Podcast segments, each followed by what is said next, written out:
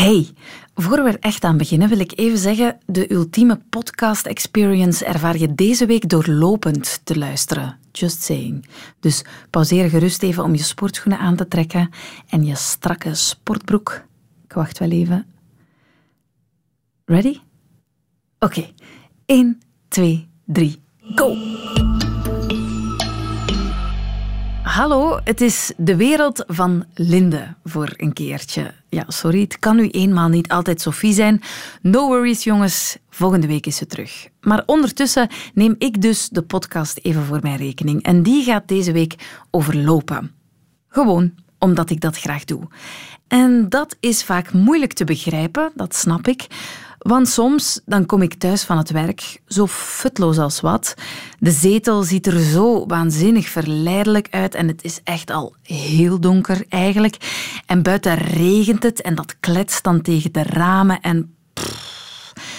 ik kan het eigenlijk ook uitstellen en morgen gewoon gaan, want was er ook niet echt iets bangelijk op televisie vanavond? Maar dan klikt er iets in mijn hoofd en doe ik toch mijn loopschoenen aan en die strakke zwarte loopbroek. Lampje op mijn hoofd, goede muziek in mijn oren, blik op oneindig. En daar ga ik.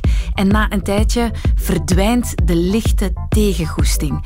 En ik maal kilometer na kilometer na kilometer. En ik kom in een soort van zalige cadans. En ja, het regent. Harder en harder ondertussen. Maar dat interesseert mij minder en minder. Want ik ben een loper, verdomme. En wat druppels, die houden mij niet tegen. En ik ben trouwens niet alleen. Want ik kruis ook andere lopers. Ook met lampjes. Ook met blikken op oneindig. En we groeten elkaar. Yo, de lopersgroet. Want wij begrijpen elkaar. Want wij zijn de lopers, jongens. En wij zijn hier bezig met het zaligste en het schoonste ooit. Voor ons is dit bijna een religieuze ervaring. Neem ons dit af en wij worden gek. Ja, zo denken wij dan, hè? Wij lopers, sorry als ik uh, mij even liet gaan, maar het is iets maf, dat lopen. Soms begrijp ik het eigenlijk zelf niet. Hoe lopen zo'n belangrijke plaats in mijn leven heeft ingenomen. En dat van vele mensen met mij. Maar wie het wel snapt, is sportpsycholoog Michael Verschaven. Waarom? Waarom lopen wij zo graag? Ja, er zijn verschillende redenen, maar ik denk vooral ook uh, we zien eigenlijk dat er meer en meer stress en burn-out klachten zijn bij mensen. Dus mensen zoeken eigenlijk op een andere manier een, een, een uitweg om eigenlijk ja, na hun werk of voor hun werk zelf, of zelf tijdens hun werk, over de middag bijvoorbeeld, uh, te gaan bijlopen om eigenlijk een goed gevoel te creëren eigenlijk, en wat afleiding te hebben en de stress te kunnen reduceren. Het is ook zo dat natuurlijk lopen, die drempel is behoorlijk laag ja, je hebt gewoon een paar schoenen nodig, bij wijze van spreken, een paar goede loopschoenen. En dan later misschien een sporthorloge enzovoort, om te kunnen gaan lopen. En het laatste is ook wel dat communitygevoel. Hij zegt inderdaad, bijvoorbeeld de 10 miles, 40.000 mensen. Dat speelt ook wel een rol om eigenlijk een duidelijk doel te hebben om naartoe te streven. Ja. En je kunt dat ook delen op sociale media. En ook ja, je training kun je meer monitoren dan vroeger. Ehm, je kunt een doel stellen voor jezelf. Je kunt zien hoe snel dat je loopt, welk parcours, je progressie op Strava, uh, Runkeeper enzovoort. Ja, dat is er nu de afgelopen jaren wel allemaal bijgekomen. Hè? Dat doen mensen toch graag, hè? dat delen en, en daarmee bezig zijn. Ja, ja, zeker, zeker. Ik denk dat dat zelf, ja, dat, is, dat werkt ook belonend. Ja. van, kijk wat ik gedaan heb. En dat is ook wel leuk natuurlijk. Ja, daardoor krijg je dan zo al een klein shotje zo van dat goed gevoel. Ja. Maar er is natuurlijk ook de legendarische en veel besproken runners high. Mhm. Er zouden tijdens het lopen stoffen vrijkomen die je een soort gevoel van euforie zouden geven. Is dat nu echt of is het een mythe? Het is eigenlijk geen mythe. Nee, nee, nee. Het, is, het is onderzocht en dat komt eigenlijk door vooral dat er endorfines vrijkomen. Dat is eigenlijk het gelukshormoon dat iedereen wel kent, endorfines. En eigenlijk is dat zo, als je een middellange inspanning doet, um, tegen ongeveer, ja, laten we zeggen, 70, 80 procent van je hartslag, na, na lange tijd komt dat gelukshormoon eigenlijk in grotere mate vrij, de endorfines. En zorgt dat er eigenlijk voor dat dat ook een beetje je pijn blokkeert. En dat je eigenlijk heel goed voelt, uiteindelijk. Maar waarom is die runners high precies zo onlosmakelijk verbonden aan lopen? En zeggen ze, gaat het niet over de tennis high? Ah, of de, ja, ja, of de voetbal high? Wel, dat zou te maken hebben met dat eigenlijk onze hersenen zijn nog altijd dezelfde hersenen grotendeels van duizenden jaren geleden. Toen we eigenlijk nog moesten eh, lopen om te overleven, om te jagen enzovoort. Dus eigenlijk als je loopt, eh, zouden de hersenen geactiveerd worden na een tijdje om eigenlijk de pijn dat die gedempt wordt. En zodat je eigenlijk kunt blijven lopen, inderdaad. Dus dat zijn eigenlijk je hersenen die iets aanmaken. Het is niet alleen een endorfine, maar het zou ook endocannabinoïden zijn. Dus dat is eigenlijk een soort, ja, kent cannabis natuurlijk. Mhm. Cannabis heb je de actieve bestanddeel THC. En er zou een endogene vorm, dus eigenlijk ons eigen lichaam, die een soort ehm, ja, cannabinoïden aanmaakt, die ons een kalmte en een goed gevoel en een beetje verdovend gevoel zou geven. Jong, en dat is nog een cadeautje uit de oertijd. Ja, inderdaad. Mooi cadeautje. Ja. Die runners high, die werkt kortstondig of kan je door lopen ook gewoon op langere termijn een gelukkiger mens worden? Wel, die runners high, ehm, dat is vooral tijdens het lopen eigenlijk dat je goed voelt. Maar het is ook zo dat je eigenlijk na het lopen je ook beter voelt. Dat heeft te maken met dat je ook lichamelijk geactiveerd bent. Hoort dat vaak ook mensen die bij mij komen die zeggen ja, ik voel me altijd beter of kan beter werken als ik eh, de ochtend, in de ochtend gelopen heb. En dat klopt wel. Dat is ook, het heeft ook weer met de endorfines te maken, maar eigenlijk ook je lichaam is geactiveerd en hebt meer energie. Ironisch genoeg, eigenlijk je zult meer moe, moe moeten zijn, denken vaak mensen. Maar eigenlijk het zorgt er ook voor dat je een betere concentratie hebt op je werk enzovoort. Dus je kunt eigenlijk in lange termijn ook als counter voor depressies bijvoorbeeld, of eh, burn-out, is lopen echt wel indicatief geweest om eigenlijk aan te tonen van kijk, je kunt er eigenlijk echt wel eh, je voordeel mee doen met dat op te rollen. Ja. Ik- vind dit een zalig gesprek, omdat alles wat ik voel als loper wordt bevestigd Mhm. door jou. Ik persoonlijk heb dat heel erg, dat als het een dag wat minder gaat, een slechte dag, boos, droevig, weet ik veel, Mhm. en ik ga lopen, dan kan ik echt 180 graden keren. Echt zot. Ja. Ehm, je hebt enerzijds eh, de festivalisering Mhm. van het lopen. Dat is wel echt een trend van de afgelopen jaren. Mensen lopen graag in groep. Zelfs per twee lopen kan al helpen. Hè? Een goede loopvriend, Mhm. dat doet wel iets hè, met Ja, de mens. Het is belangrijk naar motivatie te kijken. Waarom loop ik? En als je eigenlijk iemand hebt, als je een binding hebt met iemand, dat is een van de drie zaken dat eigenlijk motivatie inhouden, autonomie, binding en competentie. En die binding, dat is eigenlijk, ja, waarom ga ik graag gaan lopen bijvoorbeeld? Omdat ik dan een vriend zie. En dat ik eigenlijk kan, kan bijbabbelen eventueel natuurlijk. hé. Als je natuurlijk op je drempel zit en je niet meer kan babbelen, is dat misschien moeilijk. Er wordt altijd gezegd dat een babbeltraining de beste training is. Hè? Dat schijnt, hè. het schijnt, schijnt. Maar dus eigenlijk, ja, dat kan zijn dat dat voor veel mensen een motivatie is om te zeggen, kijk, die is daar ook en dat is iemand dat mee overeenkomt. kan ook zijn dat er ergens een beetje een kleine verplichting legt van, kijk, die is daar ook, dus ik ga niet plooien, ik ga zeker gaan trainen. Aan de andere kant heb je ook mensen, hebben een kleine minderheid, die zegt, nee, ik ga liever alleen lopen. Dat kan ook perfect natuurlijk. Ja. Ja. Ook populair geworden de afgelopen jaren is het extremer lopen. Mhm. Heel opvallend. Mensen willen meer en meer eh, marathons lopen, willen off the road, willen trailrunning Mhm. of ergens in een woestijn hun nestels gaan afdraaien. Hoe verklaar je dat? Ja, ik denk dat mensen eh, nieuwe doelen nodig hebben naast hun werk. Eh, ik noem een beetje het analoge leven. Je merkt ook dat koken bijvoorbeeld populairder, eh, al, al jaren populairder is. En het is ook zo dat eigenlijk al de, de kennis daar rond is ook meer beschikbaar.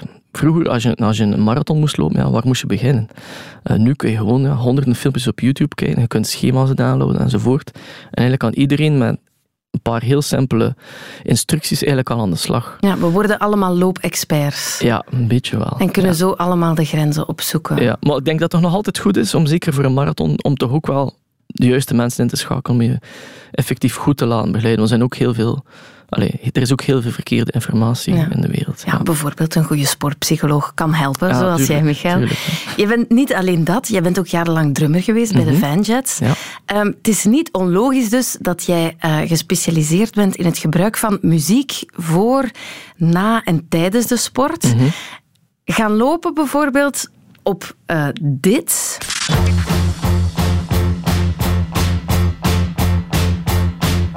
Goeie beat, goeie beat. Mhm. Dat is iets helemaal anders dan pakweg lopen op een leuk stukje Chopin.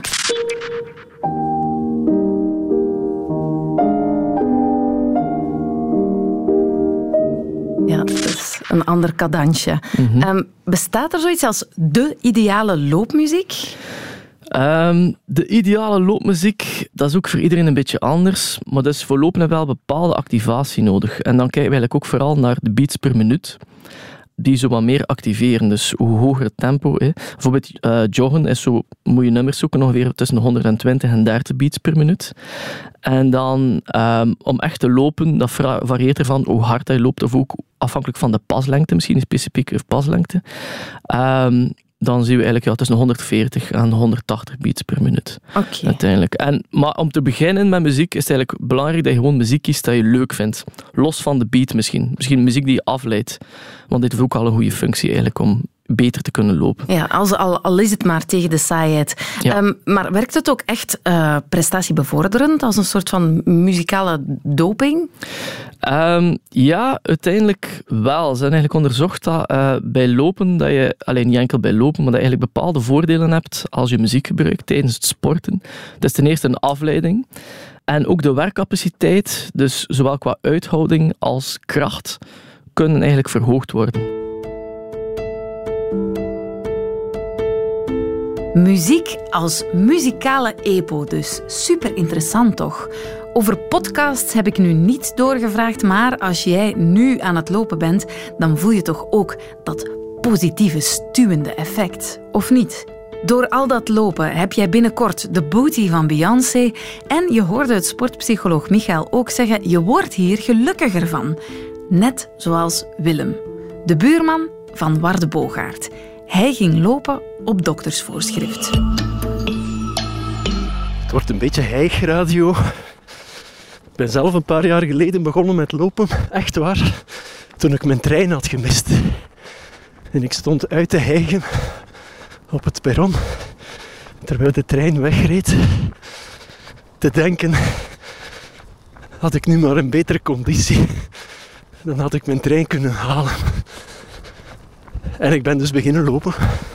En sindsdien haal ik hem bijna altijd. En nu vanavond was ik nog maar net de hoek om. En kwam ik mijn buurman tegen die hetzelfde van plan was. Dag Willem. Hoi, dag Bart. Ik ben er nog nooit tegengekomen hier. Ik ben het vaker beginnen doen. Het is redelijk recent zelf pas. Ook een trein gemist. En nee, mijn verhaal ligt ietsje anders. Ik ben beginnen sporten op aanraden van mijn psycholoog na een burn-out. Uh. Ik ben eigenlijk uh, alles behalve sportief. maar uh, ja, die zei van kijk, de beste manier is ofwel gewoon thuis met een glaasje wijn naar muziek zitten luisteren. Ik heb het ook geprobeerd, maar dat is heel moeilijk.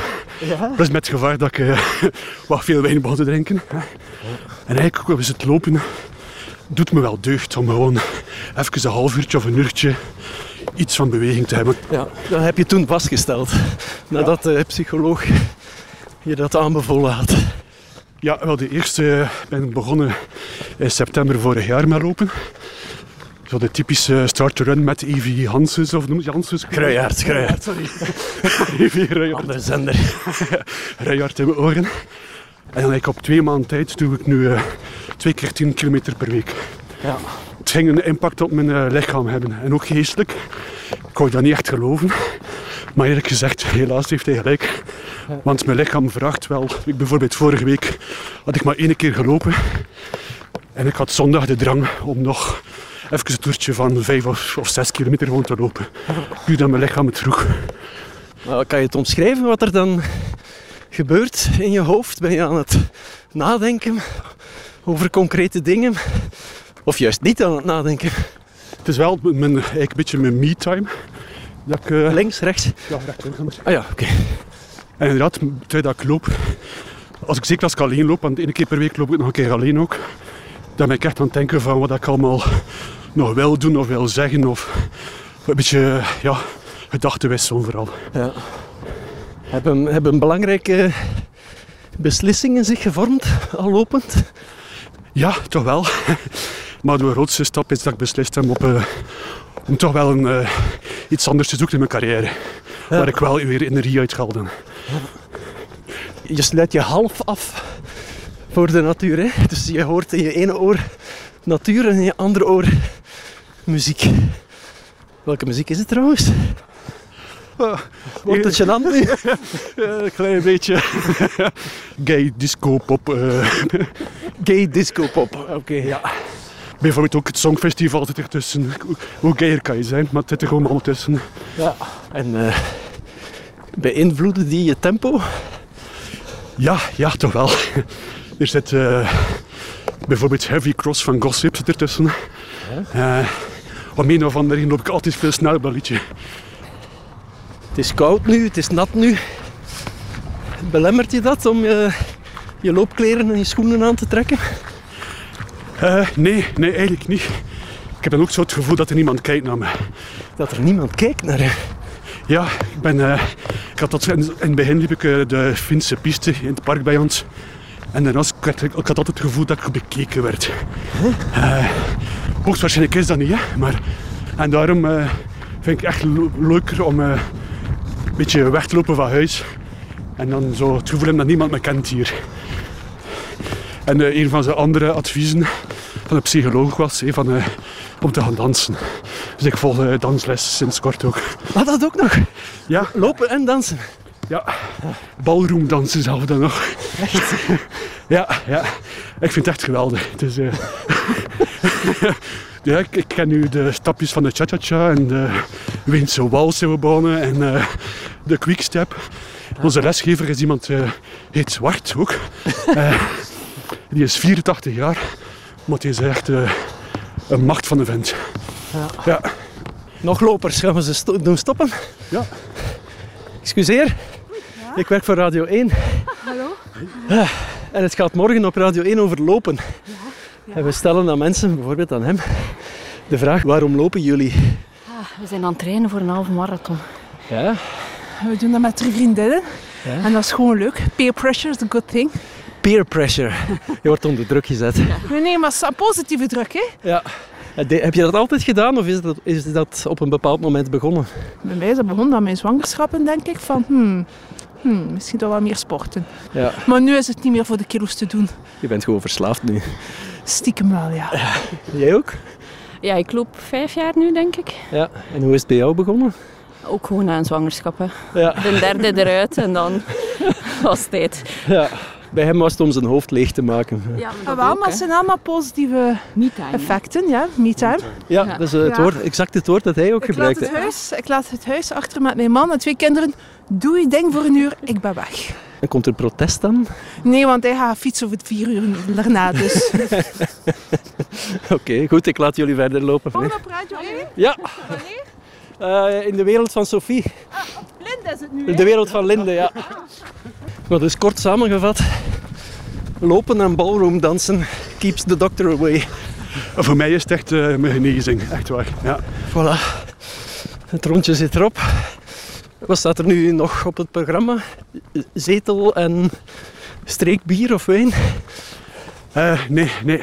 Eerst eh even uitzweten, een goede douche en dan een klein hapje en dan eh, me naar het Sas van Gent verplaatsen om nog te gaan dansen. Nee. Jawel, jawel. Eh, Zot. Ik denk dat je een goede psycholoog hebt, Willem. denk het ook eigenlijk. Goed bezig, die Willem. En jij trouwens ook goed bezig, want jij bent natuurlijk nog altijd al lopend naar deze podcast aan het luisteren. Die duurt al 18, minuten, dus tegen pakweg 9, per uur is dat 2. Kilometer. En dat is nice. Blijven gaan. Weet je wat zo schoon is? Gepassioneerde lopers, die worden vaak wat emotioneel lyrisch als het over hun loopliefde hebben. Ik heb dat graag. Maar ik heb er nog maar weinigen zo schoon over horen praten als schrijver-loper Abdelkader Benali. Zijn hart liep zodanig over van enthousiasme voor dat hardlopen dat hij er ook een boek over schreef. Over moest schrijven. Dat boek heet Marathonloper. Het begon allemaal toen hij nog een heel klein Abdelkadertje was. In de, jaren 80 zag ik eh, de Marokkaanse hardloper Said Awita op het wereldkampioenschap atletiek winnen op de 1500 meter. En toen, eh, dat, dat, dat- nou, dat enthousi- enthousiasmeerde mij. Ik heb toen een krijtje gepakt. Ben naar buiten gelopen. Het was een warme zomerdag. En heb toen voor de deur een streep getrokken. Dat noemde ik start. Toen ben ik naar het einde van de straat gelopen. Trok nog een streep. Dat was finish. En toen ben ik, eh, ja, ben ik gewoon als een bezetene tussen die twee lijnen gaan rennen. En het was een van de mooiste dagen uit mijn leven, kan ik je zeggen. Het voelde geweldig. Schattig. Het voelde heel, het voelde, het, het voelde heel fijn om, om, om het hart zo, zo hard te horen kloppen. Je eigen hart in je, in je keel te horen kloppen. Buiten adem raken. Dat waren hele, ja, dat, een hele diepe emotie eigenlijk, die ik erbij voelde. Dat uitgeput kunnen zijn van je eigen inspanning. Het is bij literatuur, hè? Ja, ja. Oh, u zegt het zo mooi. En daar startte het dus. Het is geëvolueerd, hè? uw liefde voor het Ja, lopen. klopt. Wat is er toen gebeurd? Nou, ik, ik, ik liep natuurlijk op de, op de, op de middelbare school mijn, na gymnastiek eh, dat verplichte rondje. Maar dat vond ik leuk, maar mijn klasgenoten niet. Maar ik vond het heerlijk. Ik ben toen lid geworden van een atletiekvereniging. Ben toen nog meer gaan lopen. Heb me gewaagd aan 5 kilometer, 10 kilometer. En toen in 2005 heb ik me gewaagd aan eh, ja, de heilige graal van het lopen, namelijk de marathon. Hè? Ja. Iedereen die begint met hardlopen, begint met hardlopen omdat hij een, idee heeft over de marathon. En toen heb ik in Budapest, waar ik toen woonde een tijdje, heb ik eh, mijn eerste marathon gelopen. Eigenlijk eh, heel, heel ongedwongen. En dat was een geweldige ervaring, moet ik zeggen. Ongedwongen een marathon lopen, dat moet u mij eens uitleggen. Want meestal gaat dat Ja. toch gepaard met enorm veel training en schema's. En... Ja, ja. Nou, wat, wat, in mijn voordeel was, en dat is misschien wel een tip voor lopers, eh, voor mensen die willen gaan lopen, is als je elke dag een kilometer loopt, of elke dag vijf kilometer loopt, dat is helemaal niet zoveel, maar als je dat elke dag consequent doet, dan, dan krijg je een berenconditie. En wat ik in die tijd deed, was dat ik elke dag, ik liep elke dag 10 kilometer. Niet meer, niet minder, ook geen stap meer. Maar ik liep elke dag 10 kilometer heel ongedwongen. En blijkbaar de consequentie daarvan was dat ik een enorm goede conditie kreeg. Waardoor ik eh, ook die marathon aankon. Het zat En, al, eh, het zat en- al in je lijf, het zat al klaar. Het zat er al een beetje in, ja. ja. En eh, ik, ja, het was geweldig. Het was heel, bijzonder. Ik kwam ook, ik kwam ook ja, ik ben geen huilert. Ik hou niet zo snel. Maar ik kwam echt huilend over de finish. Oh, En, ik moest, en, het, en wat ik ook dacht was, eh, het is heel gek, maar die laatste kilometer dacht ik, kon ik nu maar mijn moeder bellen om haar te vertellen wat voor pre- prestatie ik heb verricht. oh schoon. ja, ja, ja, ja. Dus eh, ja, zo is het begonnen. Wanneer wist je, ik moet ook over lopen gaan schrijven? Kwam dat door die eerste marathon? Ja, ja, dat begon eigenlijk in die periode al. Eh, er kwam veel bij elkaar, want eh, in die marathon kwam ook eh, veel uit mijn. eh, kwam natuurlijk ook dat, dat vroege verhaal van eh, wat ik had als kind met het hardlopen. Dat zat er ook al in. Het ging ook over grenzen verleggen. Het ging ook over jezelf ontwikkelen als mens door middel van sport, door middel van hardlopen. Het ging ook over naar je eigen adem luisteren. Dus allemaal eigenlijk ideeën eh, die je ook metaforen kan noemen voor het leven zelf. En, eh, en vanuit die kleine verhalen, die kleine trainingsarbeid die ik deed, de trainingen, het leven voor het hardlopen. Ook ontwikkelde zich het idee om een boek te schrijven over, eh, over marathonlopen. En mijn uitgever, Peter Nijssen, was zelf ook een fanatiek loper. Misschien wel nog wel fanatieker dan ik ben. Ja, die stelde begreep jou natuurlijk van- meteen. Hardlopers ja, onder die- die- die- elkaar. ja, die, wil, die wilde dat boek eh, liever dan ik, laten we zo zeggen. en, eh, en, eh, en toen begon ik te schrijven aan een boek waar ik eigenlijk een marathon beschrijf vanuit het perspectief van een loper. Van eh 42 hoofdstukken, 42 kilometers. En in elk hoofdstuk beleef je de marathon. Beleef je die ene kilometer. Want elke kilometer in een marathon heeft zijn eigen structuur, zijn eigen karakter, zijn eigen werdegang. En, en ik en in die kilometer zitten ook eh, herinneringen aan, ja, hoe kom je eigenlijk tot het lopen van een marathon? Wie heeft je ooit verteld dat je het moest lopen?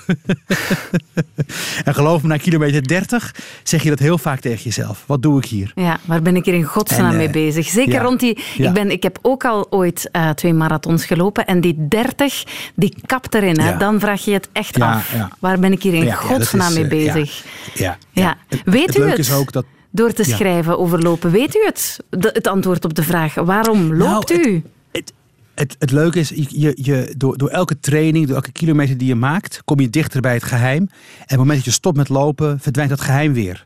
Verdwijnt de oplossing weer uit het zicht. En Dus het wordt nooit helemaal ingevuld. Maar door te schrijven kom, je, kom, kom ik dichterbij. En ik denk toch dat toch ook weer te maken heeft met het hele pure, dat, dat, dat, de, de, het oergevoel van de lopende mens. Eh, wat ik als kind al had en wat elke loper heeft, ook als hij heel oud is. Dat je, weer, dat je als lopende mens eh, verleg je je eigen horizon en word je ontdekking, ontdekkingsreiziger in je eigen leven. Je ontdekt nieuwe dingen over jezelf, je hoort je ademhaling. eh, je komt iets dichter bij de kern van, van, het, van het bestaan. En de reden waarom het lopen zo ontzettend populair is geworden, is dat we, we leven natuurlijk hele hectische tijden. We moeten steeds veel meer. We moeten meer, er is meer druk, meer verantwoordelijkheid. En door te lopen houden we het weer even eenvoudig en, en, en overzichtelijk. En komen we weer, kunnen we weer wat dichter bij onszelf komen. Ja. Ja, en, Ja. eh, en, en het, is, het is een hele eh, makkelijke vrijheid, want je hoeft er alleen maar eh, wat goede hardloopschoenen voor te kopen en de deur open te doen en te vertrekken. En dat is wel, dat is wel lekker. Ja. In deze tijd waarin alles zo ingewikkeld is. Ja, het, geworden. het komt heel vaak terug bij mensen die aan het luisteren zijn en die zeggen: lopen, dat is voor mij mijn therapie. Ik vertrek, Ja. ik kom Ja. terug en duizend plannen zijn gemaakt. Alles heeft vorm gekregen. Ik heb weer overzicht. Is dat bij u ook zo? Ja, ja, mensen vragen mij altijd, word je niet moe van het hardlopen? Ik zeg altijd, nee, ik ontspan juist door het hard te lopen. Ik kom, ik kom tot rust. En als ik terug ben, dan heb ik duizend plannen, maar ik heb ook duizend plannen minder. Ik weet ook ineens hoofd- en bijzaak te scheiden. Ik weet ineens wat belangrijk is, namelijk eh, je, partner knuffelen. Ehm, ik weet weer wat belangrijk is. Ja, de- eh, een mooi verhaal lezen. Ik, het, het, het, het is een soort van zelfregulatie die er ook in plaatsvindt. Dus dit herken ik zeker. Dit herken ik zeker. Het gaat ook niet weg. Dat, dat is ook het leuke eraan. Het, het gek genoeg, het, het, het, het, gaat niet weg. Het, het lijkt het alleen maar te versterken. Nee, er komt geen sleet op dat gevoel. Nee, voor mij niet. Ik heb, ik heb afgelopen zondag 16 kilometer hard gelopen in een wedstrijd. Ging niet zo heel erg lekker. Maar ik, ik, ik weet wel dat ik thuis kwam en toen, toen ben ik even in bad gaan liggen. Er is niks lekkerder voor hardlopen dan na een wedstrijd in een warm bad te gaan liggen. Ja, is toch ook raar, hè? We doen het eigenlijk Ja. precies altijd voor het gevoel achteraf. Ja, ja, ja. Het, dat is ook, ook gewoon zo. Het, het, het mooiste gevoel is het gevoel achteraf. Het bijkomen. Het, eh, je, je, je spieren voelen ademen. Je spieren voelen, eh, je voelen dat je spieren op adem komen. En tot rust komen. Dat is een heel, heel prettig gevoel. Ja. Het eten smaakt ook altijd beter. wat het is. En veel, veel. Ja, veel. Niet ja, dat mag ook. spaghetti, maar zeven. Ja, een, een goede vriend van mij zei van je mag nu patatten eten, want de aderen staan wijd open. Heeft een nou, boek dat snap ik er nog één. Ja. heeft een boek als marathonloper in al die jaren veel lezers aangezet om te lopen, of tenminste ja, ja, ze erover doen nadenken. Ja, het verbaast me echt hoe, hoe lang dit boek al meegaat en is, is omarmd. Er zijn twee soorten lezers, namelijk de fanatieke hardlopers die na, na, na die twaalf weken marathonvoorbereiding, hè, eh, dan kom je in die laatste weken, dan mag je alleen nog maar, dan mag je lekker uitbollen en uitrusten en lekker eten en stapelen voor de marathon. Hoef je niks meer te doen. En dan komt het aan op die mentale voorbereiding. En veel lopers gebruiken mijn roman voor die mentale training. Die lezen dan elke avond voor het slapen gaan.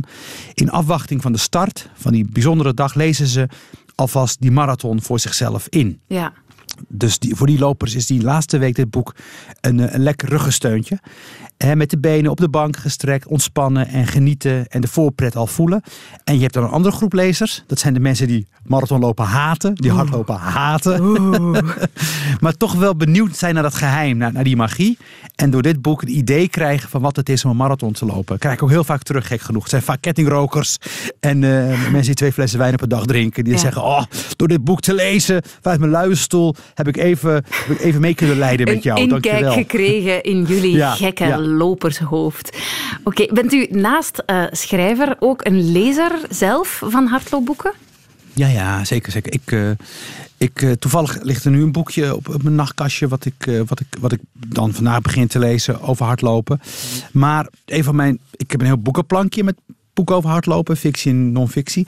Maar een van mijn. Een aanrader is, is een boekje van een Amerikaan.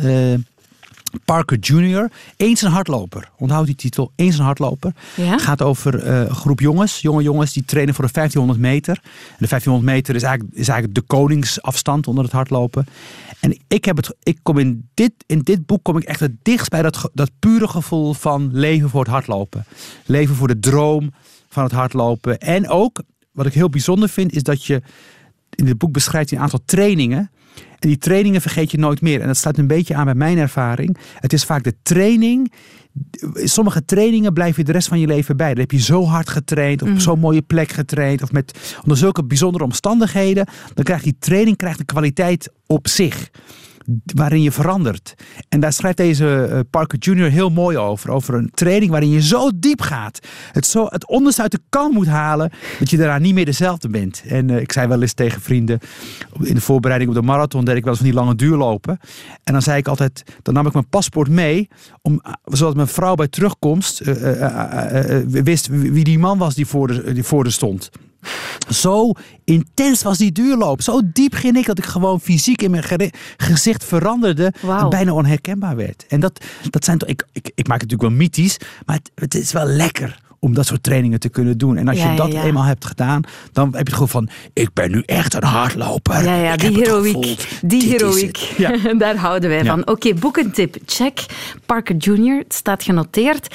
Eh, een looptip to court. Hebt u die nog voor ons?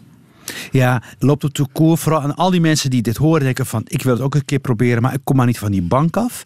Dit, dat van die bank afkomen hebben we allemaal. Beginnende lopers, gevorderde, vergevorderde lopers. De, de, de zwaarste kilometer is de eerste kilometer. Als je dat kan, als je van die bank af kan rollen... en je kunt die eerste kilometer lopen... dan is alles daarna is makkelijker en dan ben je vrij. En dat wil ik je even meegeven. Als je zelf denkt van... ik wil hardlopen, het lukt me niet. Eh, hoe komt het al die andere hardlopers zo wel, het wel zo makkelijk aan kunnen? En ik niet, maar geloof me, het is voor iedereen die eerste kilometer. Het regent, het is hagel, slecht weer. En je gaat toch...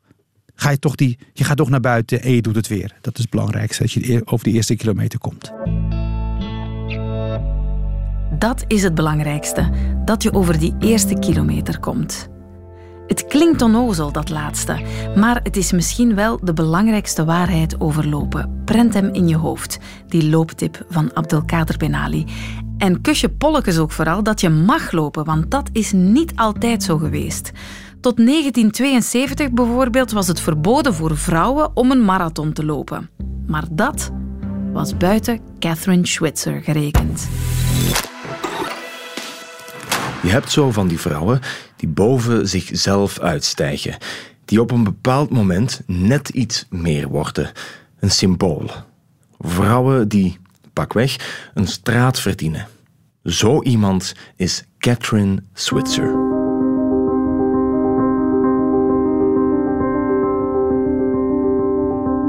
Catherine Switzer is een van die vrouwen die de wereld veranderd heeft. Nochtans, niets dat erop wees wanneer ze als tiener thuiskomt en aan haar vader kenbaar maakt dat ze cheerleader wil worden op haar middelbare school. Niets tegen cheerleaders, maar haar vader vertelt haar wel het volgende. My father said, You don't want to be a cheerleader. Cheerleaders cheer for other people. You want people to cheer for you. The game is on the field. Life is to participate, not to spectate. Het leven gaat over deelnemen, niet over kijken hoe andere mensen deelnemen. En cheerleaders, ja, die juichen vooral voor andere mensen. Van dan af gaat er een wereld open voor Switzer. Toekijken doet ze niet meer. Ze schrijft zich in voor het hockeyteam en ze loopt elke dag anderhalve kilometer.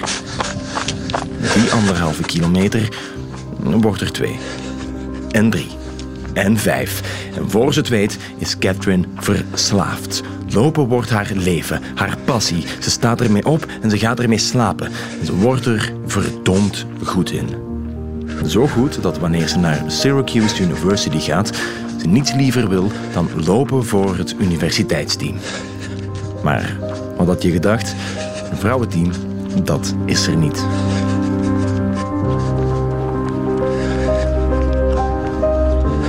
Geen probleem voor Catherine. Ze loopt gewoon mee met de mannen. En tijdens haar trainingen wordt ze bevriend met coach Arnie Briggs. In zijn tijd geen onbegenadigd loper. Hij vertelt Catherine over zijn exploten, over de keren dat hij wedstrijden won en over de Boston Marathon, de meest heroïsche en bekendste race van Amerika. Voor Catherine is het duidelijk. Zij wil lopen in Boston. Maar coach Arnie Briggs die denkt daar heel anders over. Without missing a beat, my beloved Arnie Briggs said, A woman can't run the Boston Marathon. And I said, What do you mean a woman can't run the Boston Marathon? He said, Women are too weak and too fragile for 26.2 miles. And I said, Women throughout history have done arduous things. He exploded in rage. He said, No dame ever ran no marathon. Geen enkele dame had ooit de Boston Marathon gelopen. En dames zouden er te zwak voor zijn. Niet om uw aandacht van het verhaal af te leiden, maar het idee dat vrouwen fysisch geen marathon zouden kunnen lopen, is al veel ouder dan de jaren 60. In 1898 schreef een Duitse wetenschapper er al dit over. Hevige bewegingen van het lichaam kunnen ervoor zorgen dat de baarmoeder loskomt en begint te bewegen in het lichaam. En verder veroorzaakt het bloedingen en steriliteit, waardoor het nut van de vrouw volledig komt te gaan. Maar goed, dat geheel terzijde. Geen enkele vrouw had dus ooit de Boston Marathon gelopen. Maar dat was buiten Catherine Switzer gerekend. Na zorgvuldige inspectie van het reglement ziet ze nergens staan dat vrouwen uitgesloten zijn van deelname. Dus schrijft ze zich in. Voor alle zekerheid met haar initialen KV Switzer. Ze betaalt 2 dollar en ze krijgt enkele weken later haar startnummer opgestuurd. 261. En dan is het moment daar, 19 april 1967. Switzer komt in een anonieme grijze jogging aan de start. Met haar kap over haar hoofd is ze niet te onderscheiden van de andere deelnemers. Maar ze is er wel 100% klaar voor. En dan. Ze zijn vertrokken en Catherine schiet er als een speer vandoor. Ze zweeft. Zij loopt als eerste vrouw de Boston Marathon. En ze wordt onderweg zelfs aangemoedigd. Alles loopt goed tot, na zo'n drie kilometer, de truck met persfotografen voor haar komt rijden. And the press truck came by us on the outside and they went crazy. You know, a girl's in the race, she's wearing bib numbers, and they were shooting. And we were kind of waving to them because it was a, just a flash media moment. De pers die smult van haar aanwezigheid. Maar iemand anders, die ook op de vrachtwagen zit, die heeft het wat moeilijker. Organisator Jock Semple gaat achter Catherine aan. When all of a sudden behind me, I heard leather shoes, clearly not like running shoes. And suddenly I saw this man. He was ferocious looking. And I was so frightened. He grabbed me by the shoulders and he spun me back like that and tried to rip off my bib number. Hij probeert om op zijn lederen herenschoenen Catherine's startnummer af te scheuren. Maar dat is buiten Tom Miller gerekend. De hamerslingeraar, 106 kilogram droog aan de haak en het lief van Catherine vliegt met zijn schouder in de zij van Jock Semple en katapulteert hem 10 meter verderop in de struiken. Catherine die denkt even aan stoppen. Maar ze weet al snel dat ze wel moet finishen. I have to finish the race, even if I have to finish it on my hands and my knees. Because if I don't finish the race, nobody's going to believe that women can do this. Nobody's going to believe that women should be here. En finishen, dat doet ze ook. Vier uur en twintig minuten doet ze uiteindelijk over de loodzware, met sneeuw en regen bezaaide tocht. Ze is extatisch. Van dan af wordt Switzer de meest verwoede voorvechtster van vrouwen in de sport. When I finished the race, I felt like I had a life plan, I had a goal and a real purpose to achieve. In 1972 zorgt zij ervoor dat vrouwen officieel mogen lopen in Boston. In 1974 wint ze de New York City Marathon. En in 1984 zorgt ze ermee voor dat de marathon ook voor vrouwen een Olympische discipline wordt. En dat allemaal door die ene passie: lopen. Check zeker ook de legendarische foto van haar marathon in Boston. Gewoon op Google even intikken. Catherine Schwitzer, afbeeldingen.